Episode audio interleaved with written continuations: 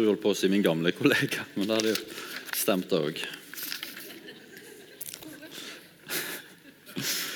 Veldig bra. Um, nydelig å få lov til å komme opp og begynne en tale med den ramma som dere setter, Øystein og gjengen. Um, frihetens konge.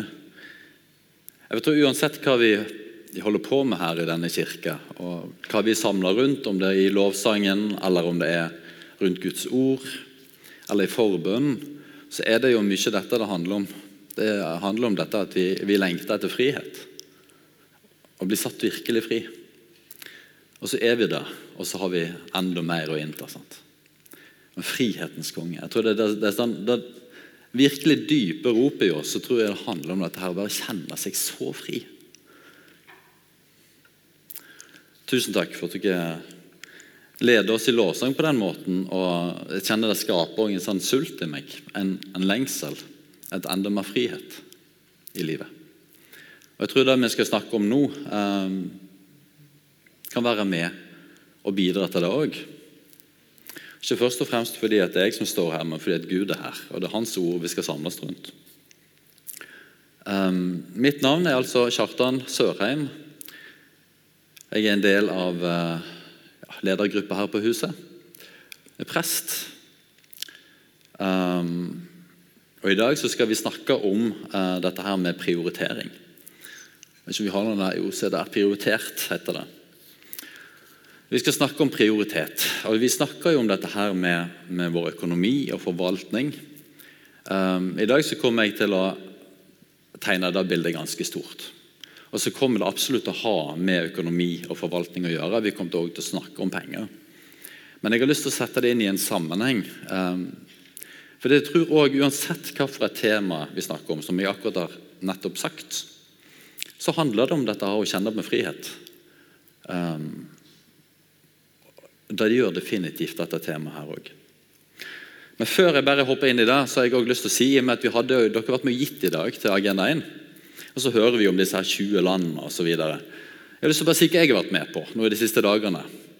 Altså Torsdag, fredag og lørdag, eh, som var nå, eh, så har jeg vært med på Agenda 1 Sandnes, som vi nå må kalle for Nord-Jæren òg, eh, fordi vi har fått med Klepp frikirke.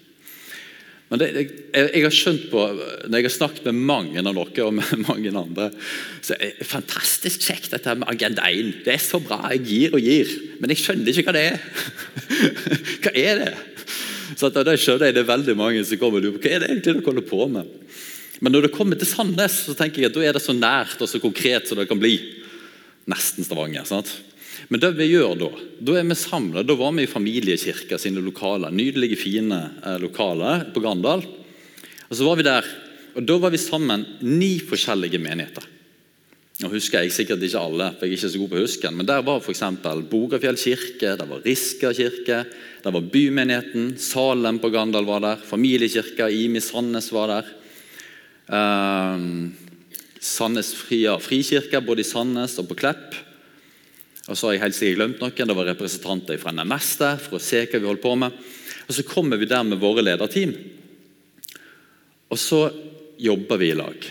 Nettopp fordi at midt i alt som vi holder på med når vi leder kirke, så er det så lett å miste fokus på hva er det egentlig som er det viktigste. Sånn? Vi holder på med, med de samme tingene om igjen og om igjen, og så er det lett å miste syn for det. Hva er det egentlig vi holder på med? Og Da hjelper Agenda 1 oss til å huske på jo, det handler om å gjøre disipler, og det handler om å bygge Guds rike. Og egentlig, som vi nettopp har sunget, om å bli satt i frihet. Og Så får vi lov til å være der og jobbe prosess og lage planer. Og så òg være i Guds nærvær sammen. Og så skjer det noe iblant oss der. Det skjer noe. Guds nærvær kommer og berører oss. Og så er det ikke sånn at Alle menighetene trenger å bli enige om noe seg imellom, men vi enes. Vi forenes. Og så blir vi glad i hverandre. Det er noe av det som skjer når vi har Agenda 1. Enten det er på Sandnes eller om det skjer rundt omkring i verden, så er det denne prosessen som, som går. Jeg syns det er nydelig, så tusen takk for at dere er med og gir. Og det, det, gir virkelig frukt. Og Det er kjekt å høre når de, eh, når de setter ord på hva det betyr å få være en del av det fellesskapet. Er ikke det bra? Jo. Ok, tilbake til prioritet. Altså, og da å prioritere Det er altså dette her. Når, når vi har en ting, og setter ting opp mot hverandre, og så må noe vurderes eller behandles forskjellig. Altså Det handler om dette her, at det er noe som er viktigere enn andre ting. Og Da må vi jo ha en eller annen type målestokk. Vi må ha et eller annet å vurdere ut ifra når vi da skal vurdere hva er det som er viktigst. Og så er jo dette her, altså Vi snakker om prioritet, så må vi òg snakke om valg. For det handler om å velge. Og det å velge Da vet jeg ikke hva forhold du har til det, men det kan være litt ymse. Jeg tror For noen så er det da veldig greit. For Noen har det lett for at her bare kobler ut følelser og så bare ja, vi velger å kjøre på. og sånn gjør vi det. For de aller fleste så havner vi veldig ofte i type dilemma. Enig i det? Altså, Vi må sette ting opp mot hverandre, så må vi, når vi må si og konkludere med at ok, noe kommer før noe annet, så er det fryktelig vanskelig. Og Det trenger ikke alltid være så vanskelige valg. Det kan være de små valgene. Hva skal jeg ha på skiva i dag? Da kan det være et stort nok dilemma av og til. Selv om jeg er veldig tradisjonsbunden, så er jeg akkurat det samme, så jeg slipper det valget. Samme til frokost, samme til lunsj. Men sånn er det. Men, men det, kan være, det, kan være, de valgene der. Eh, men det kan òg være det har to gode, du, har, du, har, to jobbtilbud og en muligheten til hva skal jeg gjøre, hva skal jeg velge. Og Da må du prioritere ut ifra et eller annet. Og Så kan det òg være at vi må velge mellom de to onde. Det er òg et veldig vanskelig valg. Uansett hva vi velger her, så føler jeg det blir ikke bra. liksom. Og det, jo, jo mer støy det er, jo vanskeligere kan det bli liksom, å, å, vite hva kriterier vi velger ut ifra. Men poenget mitt er egentlig bare dette her med valg. Å gjøre valg. Det er viktig. For det er sånn at hvis vi ikke tar aktive valg, da blir vi jo veldig fort bare styrt av omgivelsene våre. Vi blir styrt av eh, opinion og folkemening og folk må, der andre folk måtte lede oss. Så det å gjøre prioriteringer, vite hva er det jeg prioriterer ut ifra Hva verdier er det som ligger til bunn for de valgene jeg gjør? Fryktelig viktig. Så det er viktig å, da, å ta eierskap da, til sitt eget liv og sine egne valg, og gjøre det tror jeg er fryktelig sentralt. Og i det vi skal snakke om videre nå. Yes. Så når vi nå skal snakke videre om det med prioritet, så skal jeg ta opp tråden litt fra der som Martin slapp sist, for de som hørte om det. Snakke om dette med å søke Guds rike. Så jeg kommer litt mer tilbake til dette hva det jeg prøver ikke å unngå å snakke om penger, men jeg har så veldig behov for å sette det inn i en kontekst. Og Det er viktig for meg. For når vi skal snakke om det, Hvis vi bare snakker til hodet på dette, så blir det feil. Vi må på en måte ha hjertet med oss, og det er hele mitt poeng i dag. Vi må ha hjertet med oss i dette. Måten vi skal gjøre det på, at Jeg kommer til å dele litt Bibel. Og så kommer vi til å dele en historie, et vitnesbyrd, om noen gode venner av meg og av Bukk, som sitter her framme, som skal være med og og undervise litt sammen med meg. Um, og den, Dette er et par. Live og Kjetil heter de.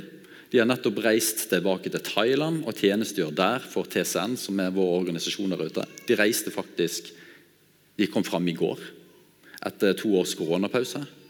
Men de har et fantastisk vitnesbyrd. Jeg skulle så inderlig ønske at de var her og kunne fortelle det akkurat i dag. når vi skal ha denne tematikken, Men nå er ikke de her. Men de har latt meg få lov til å dele en utrolig inspirerende historie. Det skal vi gjøre. Vi skal, men vi begynner i Guds ord. Uh, og Jeg skal begynne med å, å, se på noen tekster. Hva er det som er viktig å prioritere ut ifra Guds rike? Som disipler av Jesus, hva er det som er på en måte top notch? Hva er det aller viktigste? Så nå skal vi først se litt på de helt sånn enkle tingene. Noen få punkter der Bibelen er veldig tydelig på at masse som er viktig. Men dette, folkens, dette er viktigst. Dette kommer på en måte før alt annet. Jeg skal se på tre sånne punkter. Og Så sier ikke jeg at ok, det er de tre punktene, og så finnes det ikke mer. Det er ikke det jeg sier. Men vi skal iallfall løfte fram tre forskjellige steder der Jesus, eller Guds ord, sier til oss dette, folkens. Når vi skal prioritere, dette er det aller, aller viktigste. Så Vi skal først bare se kort på hva er det jeg snakker om. Og så skal vi se litt på, så skal vi se litt på eh, hvorfor. Og så den pedagogen jeg er, så Til slutt så skal vi da se på hvordan vi skal anvende dette. her. Så her har vi litt hva, hvordan, hvorfor. Det er ikke verst. Skal vi se Tuller litt med Anne her, for at Anne er jo kjent for å fikle med brillene sine. Og Jeg har jo nå begynt med Jeg ser ingenting når jeg skal lese, så nå blir det litt sånn av og på. Sant, Anne? Det er en egen kunst. Ok, men Nå er vi på dette her med hva er viktig å prioritere som disipler av Jesus. Og Da begynner vi der vi nesten må begynne, i Matteus 22, vers 34-40. Kommer det opp? Yes, der kommer det faktisk opp.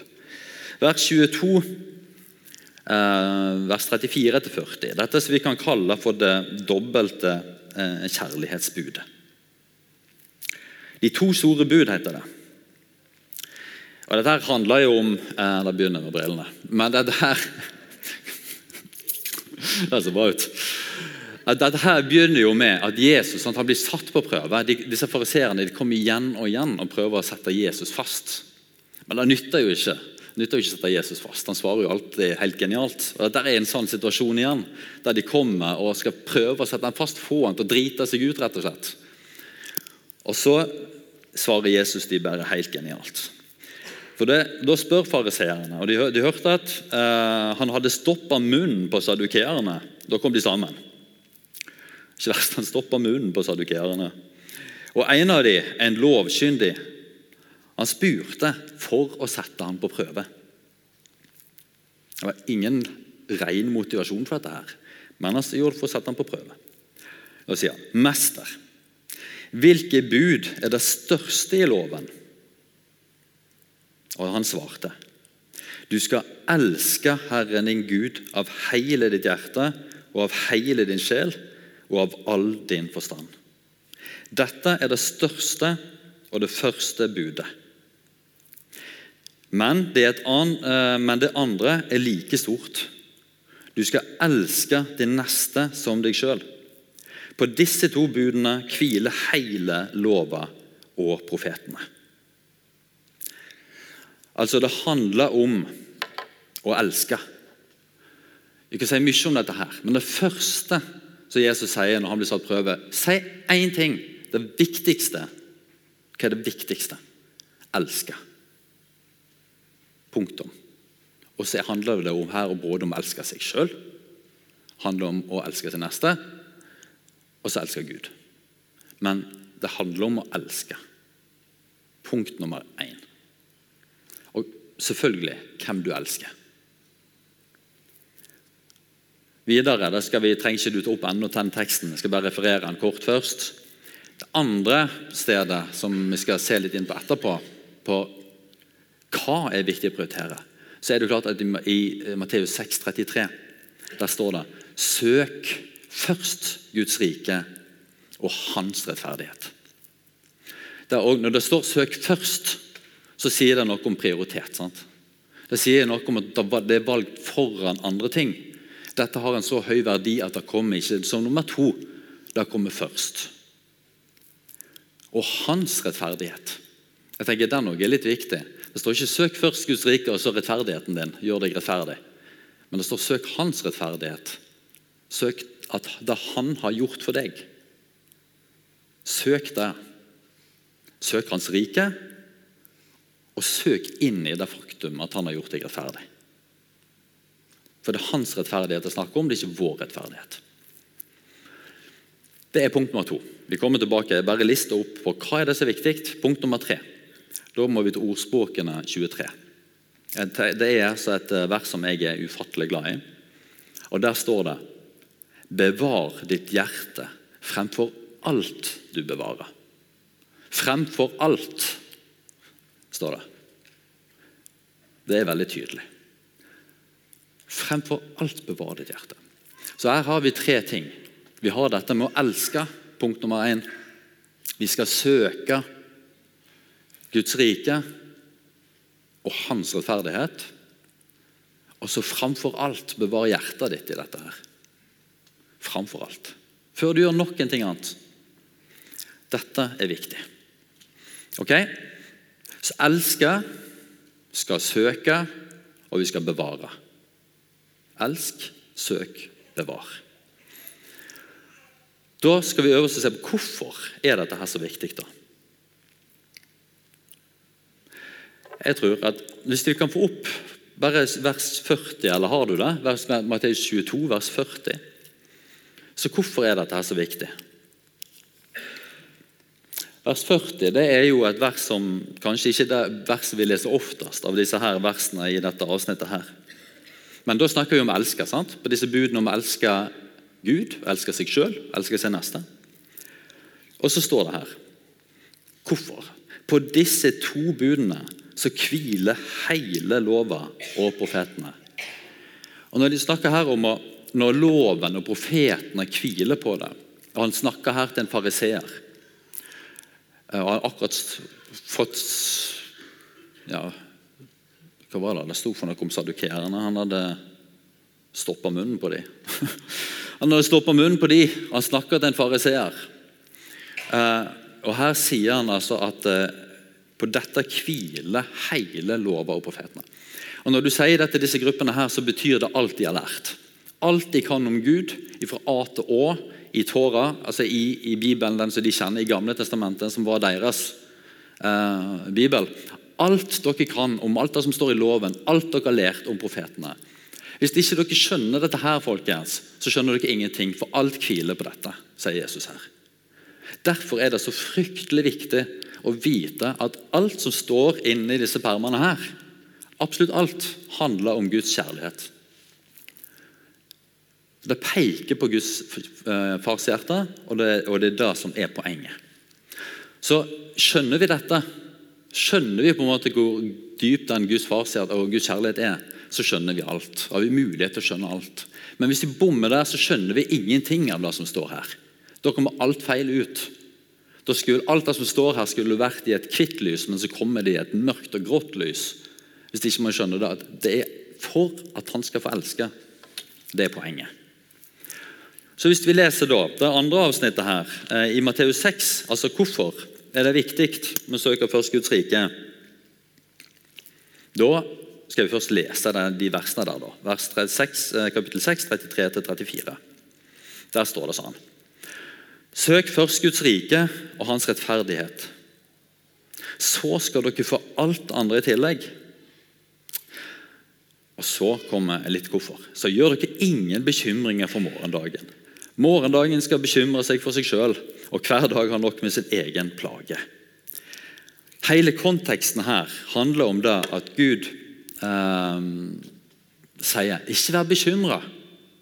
Det er et langt avsnitt her midt i Bergpreika som har dette, denne tematikken her.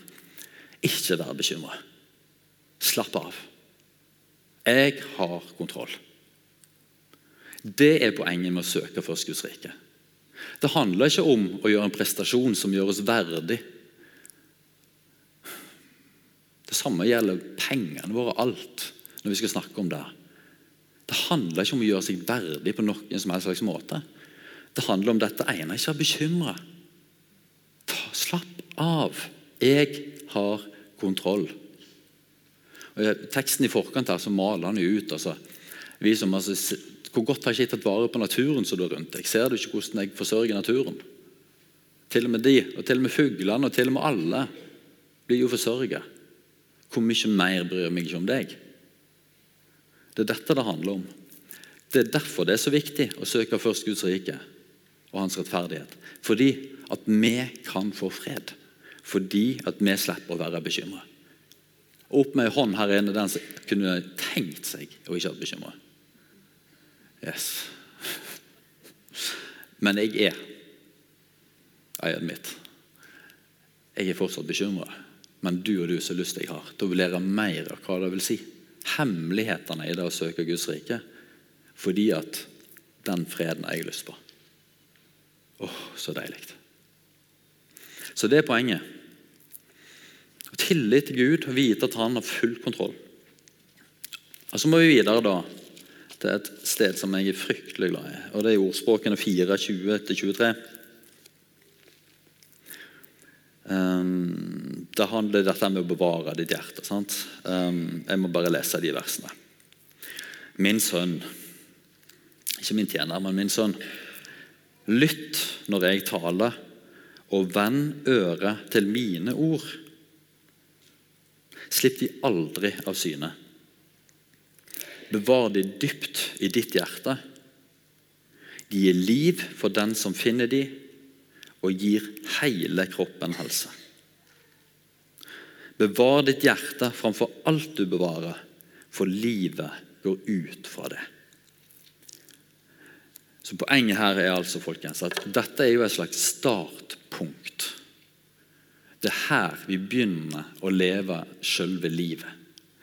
Det er når vi kan ta vare på hjertet vårt, og så kan det få lov til å renne ut ifra det. Det står til og med omtalt med, konkret om helse her. Jeg tror jeg har delt det en gang før her på talerstolen, så jeg sier det en gang til. Men for, jeg har jo vært gjennom en periode med mye sykdom. Jeg har hatt til dels alvorlig sykdom i de siste fem-seks årene. Eh, mange runder på sykehus og mange ulike diagnoser. I tillegg til andre ting som har storma i livet. Det har, vært, det har vært masse greier. Eh, og da har jeg, Vi har et bønnerom hjemme. Og Inni det bønnerommet så, en, eh, så har jeg eh, noen sånne lite kors. Og så har jeg bl.a. dette lille trehjertet her, som ligger framme. Så, så, har jeg en veldig god stol der inne. Jeg elsker god stol. Velsignet med god utsikt òg. Og så, har jeg, så jeg av og til, så, Dette verset her ble så viktig for meg i den fasen. her. Åh, uansett hvor mye det stormer her nå, jeg må bevare hjertet. Av og til så hadde jeg ikke ord for det. Jeg, ikke, jeg var på en måte bare helt tom. Men da tok jeg dette her, så satt jeg bare og så holdt jeg på sånn. Vær så god, bevar det. Satt jeg bare der og holdt på den, og så sa jeg til Gud nå må du bevare mitt hjerte. Og Så printa jeg opp dette, disse versene. her, Fikk det opp en sånn liten fin plakat. og så, bare, så, har jeg det på veggen. Så er det bare rett og slett bare for å kunne hvile i det. Gode Gud, dette klarer ikke jeg, men bevar hjertet mitt. Jeg gir det til deg, bevar det. Det er veldig kraftfullt. Ja, og For meg så har det tror jeg, på en måte ja, Jeg satte jo litt mer ord på bønnene mine etter hvert, men de var ganske ordløse i begynnelsen. Men bare da kunne få lov til å be, og du bevarer hjertet mitt. Ja. Ah. Ok, Nå har vi snakket litt om hva som er viktig å prioritere Guds rike, om hvorfor, eh, hvordan. Jeg tror jeg har tid til resten òg. Har god tid, heldigvis. um, Og Det er da det blir litt sånn tricky her, for nå kan jeg fort bli litt for dyp til meg, så at jeg ikke finner min egen tanke. Jeg prøver å unngå. Men uh, det handler jo om å prioritere. Så Nå skal vi snakke litt om dette med å ta valg med basis i de sannhetene som er rundt Guds rike. Um, og Det handler om å gjøre prioriteringer og valg som legger til grunn at Guds rike virkelig er kommet nær. Det gjelder å ta valg som våger å handle på dette ordet og de rådene som Bibelen gir, og velge å tro at dette faktisk er det beste for oss. Selv om det ofte kan oppleves både naturstrudig og ulogisk. For da kan det til tider. Ikke rent sjelden heller at det oppleves feil. Men det er rett. Det handler om dette å forstå at eh, dette ikke er religiøse bud som gjør oss til bedre kristne eller mer akseptert. Men det handler om gode ordninger fra en far som faktisk har skapt systemet som vi er en del av. Han har full kontroll. Når han gir sitt råd, når han gir sitt bud, så vet han hva han snakker om. Han vet hvordan dette egentlig henger sammen. Vi ser stykkevis og delt men han ser helt. Og Det er forskjellen. Og For at vi skal finne støtte i dette, her, så har han jo først og fremst gitt oss sitt ord. Han har gitt oss Bibelen. Og så har han støtta og opplyst oss gjennom Den hellige ånd, gjennom profetiske ord og personlige åpenbaringer som du kanskje allerede har opplevd, eller som du har muligheten til å oppleve. Dette gjelder jo òg vår forvaltning av penger. Um,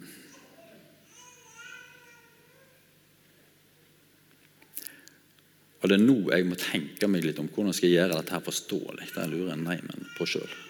Ikke lett å forstå dette, her, eh, men jeg har altså en forklaringsnøkkel. Når vi snakker om dette her med å det, det synlige og det usynlige Kan du ta opp det neste bildet?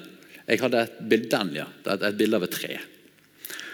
For det første, Nå skal, nå skal jeg på en måte gi en sånn forklaring på dette, så jeg skal snart gå inn i det vitnesbyrdet jeg, jeg, sa. Eh, men jeg har lyst til å bygge en bro her. Jeg har ofte mast om et tre. og De som har kjenner meg godt og hørt på meg mange ganger, de er kanskje lei av at jeg alltid viser tre når jeg skal forklare ting. Men Jeg skal etterpå nå dele litt om hvorfor dette her er så viktig for meg, så jeg håper dere vil forstå litt mer av det. Men akkurat nå så har jeg lyst til å si at når vi skal tenke på vårt disippel, vårt liv med Jesus, så er dette et illustrasjon som er helt fantastisk på mange måter. Som jeg tror kan, Hvis vi har det bildet i hodet, så er det mange ting som vil gi mening. For Det handler om det å være disippel for det, og våre liv som mennesker. Det handler jo om de tingene vi ser, det ytre, fasaden vår. Og så handler det om vår, vårt indre menneske. Sant? Den vi er på innsida, og det som ingen ser. På samme måte er det med tre. Det er jo noe som er veldig konkret, veldig synlig, eh, veldig visuelt når vi går ut i naturen. Men så er det òg en del av treet som ikke er så synlig, ikke er så visuelt. Det er røttene. sant? De tingene ser vi ikke. Men det, det er jo en ufattelig viktig del av treet. Um, Stammen altså, vil representere det vi ser, og det er òg en frukt. Røttene det er det som skjer på innsida. Uh, Det handler òg om dette her lille frøet som kan bli så ufattelig stort. Det har jo Bibelen mange historier på. Og Gud har brukt masse sanne type illustrasjoner for at vi skal kunne forstå dette her med Guds rike og hvordan, disse prinsippene, hvordan vi kan anvende dem i våre liv. Min teori er at det ikke er så lett å gi prioritet til noe hvis ikke på en måte disse tingene vi er bedt om å prioritere, er del av røttene våre. Det er en del av noe vi har erfart, en del av noe vi har opplevd, det er noe vi har lært. Hvis det er bare sånn at vi prøver å kopiere andre sine prioriteringer fordi vi har hørt at det er lurt, eller ja, jo, det kan kanskje lede oss og kan kanskje sette i gang prosesser. Men hvis det skal bli ekte, og hvis det skal komme fra hjertet, så er det noen ting som må ned i rotsystemet vårt, som gjør at det kommer derfra og er forankra. Gud vil jo ikke at vi skal gi av plikt. Han er tydelig på at vi skal gi av et helt hjerte. Men det skjer jo ikke av seg sjøl. Ok. Jeg tror eh, Ja, det jeg vil si eh, Dette her også, treet også veldig, illustrerer også veldig godt dette her med forskjell på, eh, på religion og relasjon. Hvis du bare ser på fasaden, hvis du bare ser på det ytre, på de tingene vi skal forvente å gjøre som kristne, så vil vi bare se på tradisjonene, vi vil bare se på, på religionen. Og det vil oppleves litt dødt, alt det vi gjør. Men relasjonen kommer fra hjertet, det kommer fra røttene. For å konkretisere dette her nå, så skal jeg dele en historie som har veldig mye med dette treet å gjøre. Dere vil faktisk skjønne hvorfor jeg deler akkurat denne illustrasjonen om ti minutter. Ok, Kan jeg få opp første bilde? Neste bilde. Der. Der har dere Live og Kjetil. Eivor Marie og lille Olve Johannes som sitter der. Han er nettopp født. Nå har de, ah, nei, han er ikke han åtte-ni måneder. Ikke nettopp født. De reiste tilbake til Thailand på, eh, eh, på fredag. Kom fram i går etter lang tid i Norge. Eh, de har vært der nede og vært en del av arbeidet vårt fire, eh, siden 2016. Fantastiske folk som jeg har lært så mye av. Jeg har så utrolig respekt for dem. Uh, og, jeg, og, de har en helt unik måte til å leve ut ifra disse prinsippene. De er så rotfesta i noen av disse prinsippene om Guds rike at jeg har nest knapt møtt maken. Det er mitt vitnesbyrd om disse folkene her. De er helt unike. Og Jeg skal fortelle litt om hvordan jeg har opplevd det, og hva inntrykk det har gjort med meg. Og hvordan det har utfordra meg. Eh, når de, eh, Deres vandring eh, De blir kobla på oss og på IMI og på vårt arbeid i Thailand under åpen himmel i 2016. Da sto Marit Ngamshalat, som noen kjenner, som har vært i Thailand i 20 år, hun sto på scenen og hun sa at eh, på Åpen himmel i Grimstad så sa hun jeg trenger lærere til å komme ned og undervise mine barn. Og Der satt Kjetil hadde, og Kjetil og Live satt der i salen. Kjetil han var på den tida lærer i Tromsø. Live hun, var, hun uh, jobbet i Nordkirken og leder for Nordkirken i Tromsø. Kjetil satt der, og han, han kjente at dette traff han på en helt spesiell måte. Han sa ingenting til livet da, men han, på vei den lange kjøreturen tilbake til Tromsø så begynte han å dele dette. her. Og Vi gjør det kort. i løpet av dette var altså da vi hadde åpen himmel i 2016, så det må jo ha vært sånn i uke 30 et eller annet, eh, i 2016. Og Allerede i september så hadde de tatt et valg. De hadde sagt opp jobbene sine, og de bestemte seg på vi flyttet til Thailand. De sa opp, uh, Hun sa opp uh, sin stilling i Nordkirken. Han sa opp sin stilling som lærer. Og jeg, Vi tar godt vare på våre utsendinger, for å gjøre det klart. men vi har ikke mye lønn. De hadde det de trengte for å leve der nede. Men dette gjorde de rett og slett bare i tro. De kjente at Gud kalte dem til dette. her. Um, og så Nå skal vi begynne å koble dette til treet. da. Uh, nå må vi gå ett skritt tilbake. Så går vi tilbake til 2005. Så skal vi se neste bilde. Jeg må prøve å få tempo her. Neste bilde, der. I 2005 så gikk jeg ut til brismarkene i Thailand. Og Da kom jeg her, og dette treet her gjorde et enormt inntrykk på meg. Og Dere vil ikke tro hva jeg var ute på når jeg tok det bildet der, men jeg var på rottejakt. Jeg hadde mitt eget rottegevær og jeg gikk rundt på rottejakt. Og Det treet der så jeg, og det bare kom og bare talte til meg. Akkurat da så var vi sammen med en annen familie, Espen Maria Tveten, som vi var sammen med. Vi var i en prosess der vi bare spurte Gud Gud, hva har du for oss. Hva er ditt kall? Hva er meningen med at vi er her? Eh, vi visste jo litt, men vi søkte sånn dypt ned. Hvorfor har du satt oss her, Gud? Og Så kjente jeg at dette her bildet bare talte veldig profetisk til meg. Den fornemmelsen av at Gud sier noe. Eh, etter hvert så ble dette her, og litt av det jeg toucha i stad, ble liksom essensen i det vi var kalt til å formidle i Thailand. Så ta, ta neste bilde. Uh, her, dette symbolet her, det er ikke så grafisk veldig kult. Men dette ble på en måte symbolet som vi brukte for det arbeidet vårt i Thailand i den perioden der, fra 2005 og fram til 2011, når vi bodde og levde der ute. Ble symbolet, Vi snakket om dette her å være rotfesta grunnfesta kjærlighet. Og at alt det andre livet vårt som disipler det springer jo ut av det. Vi er nødt på en måte å skjønne at vi skal stå i Guds hjerte for Og så kommer frukten etterpå som en konsekvens og som en respons på mottatt nåde.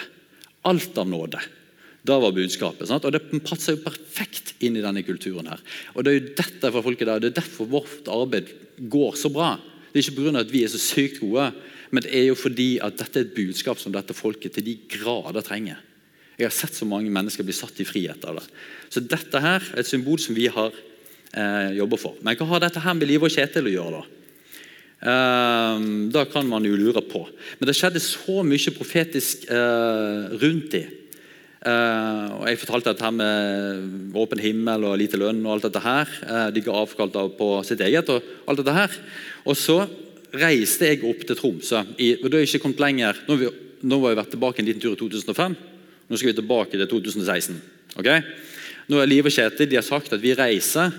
Um, de har ennå ikke uh, snakket med noen om det.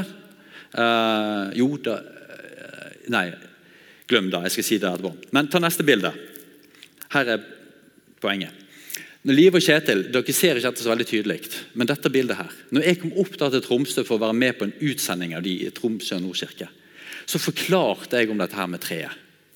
Jeg forklarte um, uh, hva er det de skal ned nå bli en del av. Og Da så jeg bare at de ble helt sånn stille. De visste jo ingenting om dette. her. De ble helt stille. Og Så så de på hverandre, og så, sa, så bare luffa Kjetil ned trappa. Og Så kom han opp og så viste han meg dette bildet her. Og så sa han, vet du hva? Dette bildet her Vi har ikke så mye bagasje. Vi har bare en koffert og vi har litt ekstra. Dette her fikk vi fra en mann i Nordkirken i Tromsø som aldri hadde fått en profetisk tegning før. Han visste knapt hva det var. Han hadde syntes det var veldig løye. Jeg skulle komme og gi denne her til dere. Og Så, så, sa, så kom han opp og så viste han at og vi har, vi har ikke pakka mye, men denne skjønte vi at vi måtte ta med oss. Vi fatter ikke hvorfor, men nå skjønner vi hvorfor vi skulle ta den med oss. Og Ser dere hva han har tegnet? Han har jo tegnet dette treet. Til og med med et hjerte i midten. Var det et hjerte framfor alt? Dette hadde de fått før de ante noen ting om det som var på vei. Um, yes. Uh, og så De hadde jo nettopp sagt opp jobbene, jobbene sine. og Så kommer det en ny ting som skjedde der oppe. som jeg har lyst til å vise i forhold til det penger. De hadde gitt opp det økonomiske. Kan du ta opp neste bilde? Dette skjedde rett i samme tida. Den samme måneden så skjedde dette. De hadde sagt opp alt. De hadde ikke fortalt det til noen at de skulle flytte til Thailand. En dag de kom hjem, så lå det et brev i postkassen til Liv og Kjetil. Der lå det 100 000 cash. 100 000 cash med den teksten der. Kjei, kjære søsken. Vi kjente at Gud ville at dere skulle få disse pengene. Må Gud velsigne dere. Hilsen deres søsken i Jesus Kristus. De aner ikke hvem det er. De kan umulig ha visst om hva de hadde bestemt seg for. De visste ingenting. 100 000 i cash lå det der. Det er helt ubegripelig. Og så um, ja, og To uker seinere, som om ikke dette her var nok bare noe, Det var to uker etter at jeg hadde vært der oppe i Tromsø og besøkt dem. Så satt vi, De skulle da reise ut til Thailand. Eh, de var, hadde gjort seg klar, de, de skulle være med oss på, med lederteamet til redning. Uh, og så um, uh, Ja, de skulle bare være med til redding uh, i, på vei til Thailand. Og Da satt jeg på sida av de i salen der. Og Gjett hva de som begynte å skje da. Hvis du får opp neste bilde. Mens vi sitter i salen, midt når alt dette skjer, så begynner de å male på scenen. Jeg og Live og Kjetil sitter der. Og Så begynner den profetiske tegningen. og Så ser dere bildet til høyre her. Det er jo dette treet. Som vi hadde på en måte, Da jeg viste det dere først her. Der sitter de og maler treet vårt. Bare ta neste bilde òg.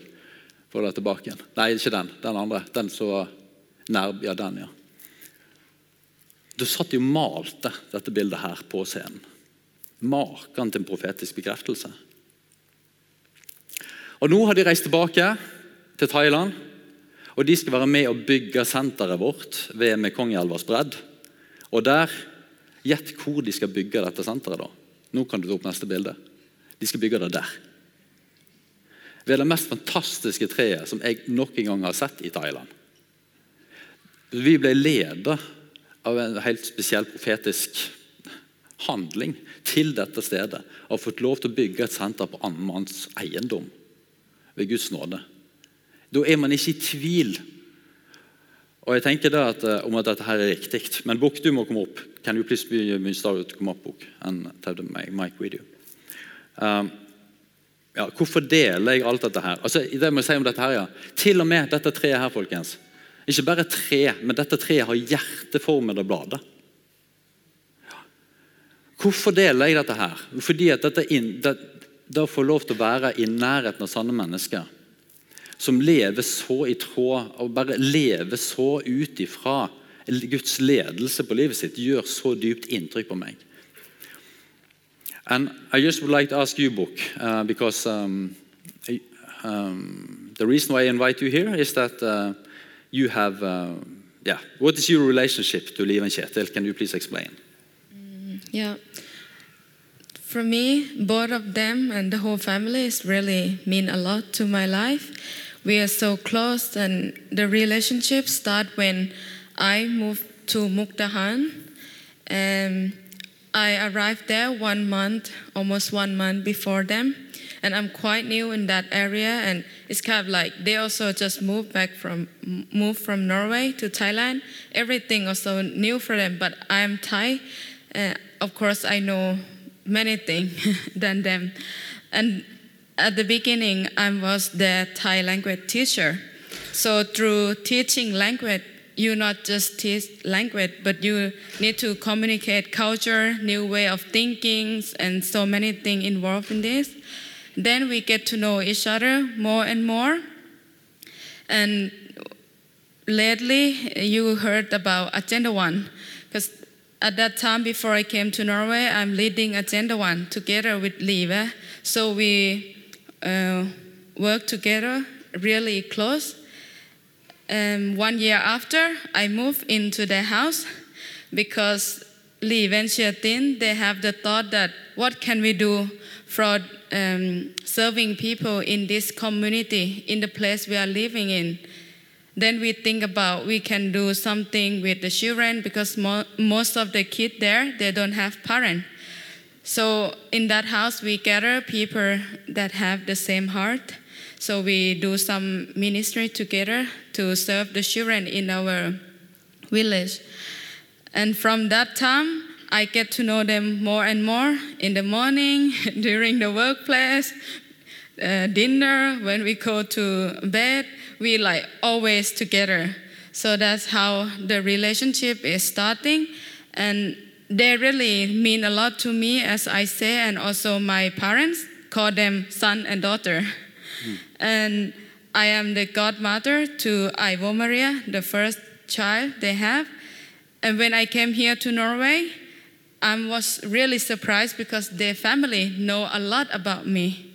And they also include me in their family. So it's like our family just like extend a lot.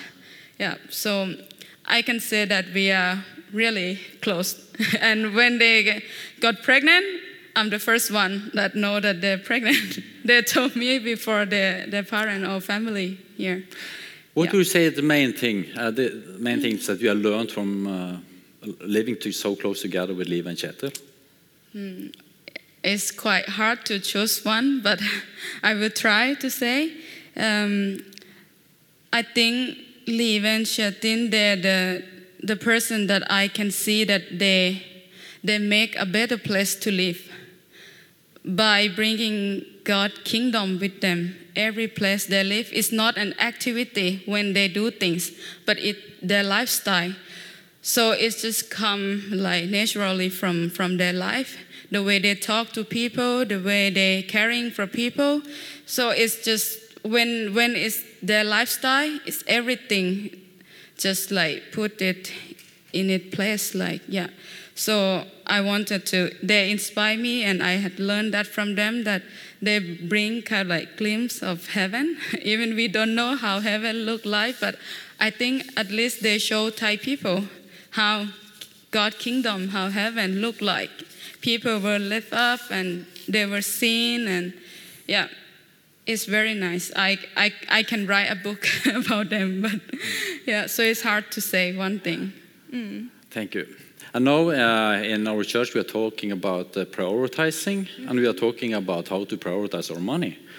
And I know that their testimony regarding money is, is rather special. Can you say a little bit about that? What have you learned from them when it comes to, to uh, stewarding our money? Yeah, from what I see is that I think they when when you think about the Bible verse, seek first God kingdom and then He will give what you need. I think they really live out from that. They not just like serve first and believe that God will give them something. But we discuss about this a lot in our house in Thailand. I can see that they already believe and feel that they have everything. God already give them everything. So don't they will not afraid to give out money, share the money with the other people. And the thing that Charlton just shared with you that someone put the money in the mailbox. Actually they got this money but they don't use it for themselves at all. They support uh, students in Thailand with scholarship. They support ministry so many things. So I think from me that the thing that I get to learn from them, I want to to have the same feeling that they have. It's not just about copy something that they do, but I want to have the same heart and carry the same culture that, that they have. That I already believe that God already have everything from me, prepare everything from me. Especially this time um, after the summer, we will move back to Thailand. So I think this is something that really encouraging me and something that I hold on to. Yeah. So good. Is there anything in particular that has inspired you to uh, to like copy or to try to uh, yeah to live the same kind of life? Yeah, I think we cannot be them, but at least I can learn so many things from them. So I would say that I, when I get to know this family, they're really special. So it's helped me to to always remind me when I receive salary, when I got money, when people give me money. I often think about, okay, God, what do you want me to do with this money? I think they help me to remind myself that I need to ask God because He's the one that provides this money to me, and what should I use this money for? And yeah, I can share that once when I start to ask this question, God just asked me back, What is in your heart? And my heart is just like, I love to study a lot, and I want to see other Thai students to have a good education. Um, yeah, so because I think education also something that can change the society. So I think, yeah, this is my heart. I want to see people who want to study able to study. So I give some of my salary every month to support um, the student in the north from the tribe group so they can have some money to study. Yeah. Thank you so much. Thank you, Book. Øystein, where are you? Maybe the worship team can start come up. Thank you so much. I think it's important. For, there we are. I think it's important for me to uh, No, jeg, nå kan jeg snakke. Ok, nå det om. Uh, bare begynner begynne å blande inn thai i tillegg, så blir det ekstra ille. Men det som er viktig for meg, er å si at uh, vet du hva, Liv og Kjetil har vært sånne ekstraordinære eksempler som jeg har fått lov til å se. Fortsatt så lever de på De får ikke de, de, har gode, de får god oppfølging fra oss, men lønna deres den er utfordrende. Uh, og, men jeg, vil ikke si at ok, vi skal kopiere de etter alt. Men det jeg tar med meg for min del, er jo på en måte denne her freden som de bærer med seg, som jeg merker i hver eneste samtale jeg har med dem om dette temaet som også går på penger. De er aldri stressa. Og så gjør jeg mitt som arbeidsgiver for å prøve å legge til rette for at de skal få litt bedre rammevilkår. Og så er det litt frustrerende, for når jeg gir dem og sørger for at det blir litt bedre, så gir de det vekk. Men det, men det som er jeg tenker vi skal ta med oss, jeg, jeg tenker at Nei, la oss ikke tenke at vi må være der for at vi kan gå et skritt. På en måte i det å, å søke eh, inn i det å operere ut ifra Guds rike prinsippene og finne fred i det. For det er egentlig det jeg har lyst til å snakke om. Det er egentlig lyst til, det er det vi skal bruke tid på nå. For det handler om disse gudsrike prinsippene som jeg sa i først. Det handler om å elske og skjønne at det er en førsteprioritet. Å forstå at det handler om å være elska og bli elska. Det handler om dette å søke. Søke den frelsesvissheten vi har i Han. Det handler om å søke Guds rike først. Og det handler om dette å bevare hjertet framfor alt. Og så tenker jeg da, akkurat som at treet kommer som en resultat av næring som er i jorda, og så kommer frukten når høstfrukten og på en måte den sesongen er der, så har ikke jeg lyst til å stresse og så si 'bli frukt'. Nei, men sørg for at du står i denne jorda. Hvordan kan jeg legge til rette for at jeg kom her, vær i lovsangen, oppsøk menigheten, oppsøk fellesskapet? Fordi at vi må bli grunnfesta i dette her at når vi søker hans nærvær, så tar han oss inn i sin realitet. Og så skal vi få lov til å respondere på det. Og treet vårt blir større, litt og litt. Ikke et kjempestort tre dag én. Litt og litt og litt større. Og så kommer frukten. Den skal ikke vi produsere. Det er Guds verk. Vi må bare bli i Hans kjærlighet. sant? Og Det er det jeg vil at vi nå skal søke inn i under denne, de ti minuttene vi nå har før ungene kommer. Forbønnene skal innlede der snart. men At vi kan få lov til å bare gi oss sjøl. Si at 'Herre, jeg, jeg har lyst til å ha mer av dine realiteter i mitt liv'.